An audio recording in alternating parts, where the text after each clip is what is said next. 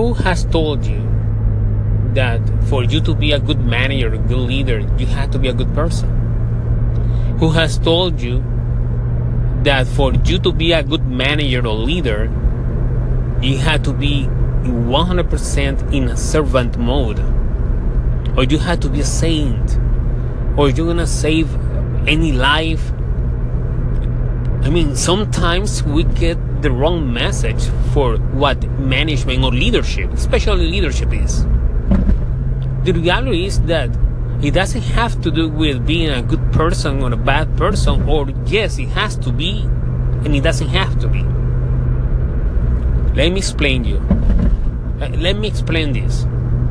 Sometimes we as a leaders we face situations, difficult situations where we have to make decisions and those decisions apparently they're not good ones.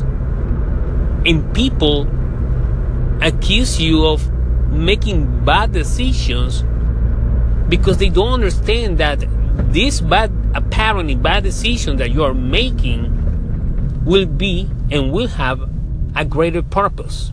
And sometimes we do bad things for a greater purpose and that's fine. I mean you don't have to be or you don't have to feel guilty because of your tough decision because that's that's why you are a leader. That's why you're a manager. It's about making decisions making the choices. Choose your path. Those are the type of decisions the leaders have to take and have to make.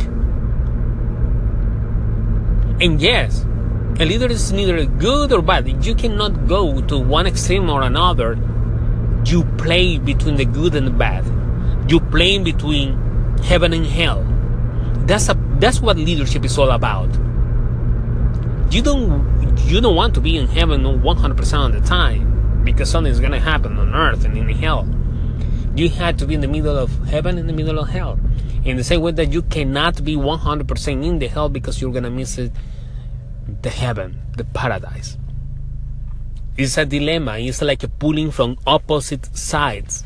It's like you having different personalities depending on the situation, depending on the people that is around you. And it's very funny how we mystify leadership, like uh, leaders being the saints, being the noble people, being the people that can save life. We are humans.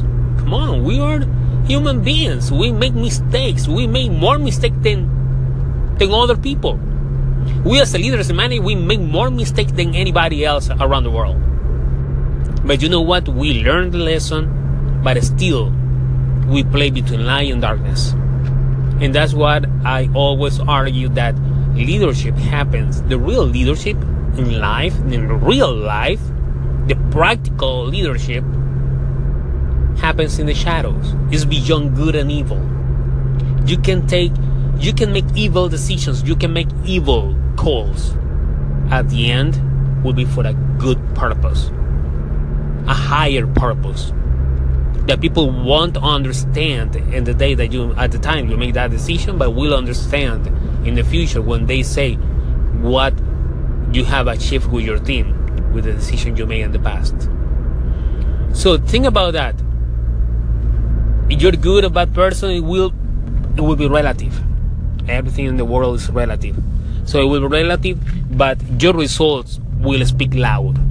So make the tough decisions. That's your role as a leadership. Build your own team. Build a high performance team. Build the best team you can. If you have to get rid of people to build a good team, just do it. It's not about being bad person.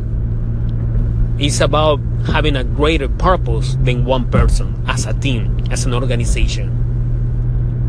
So for me, think about that. Leadership is good and bad.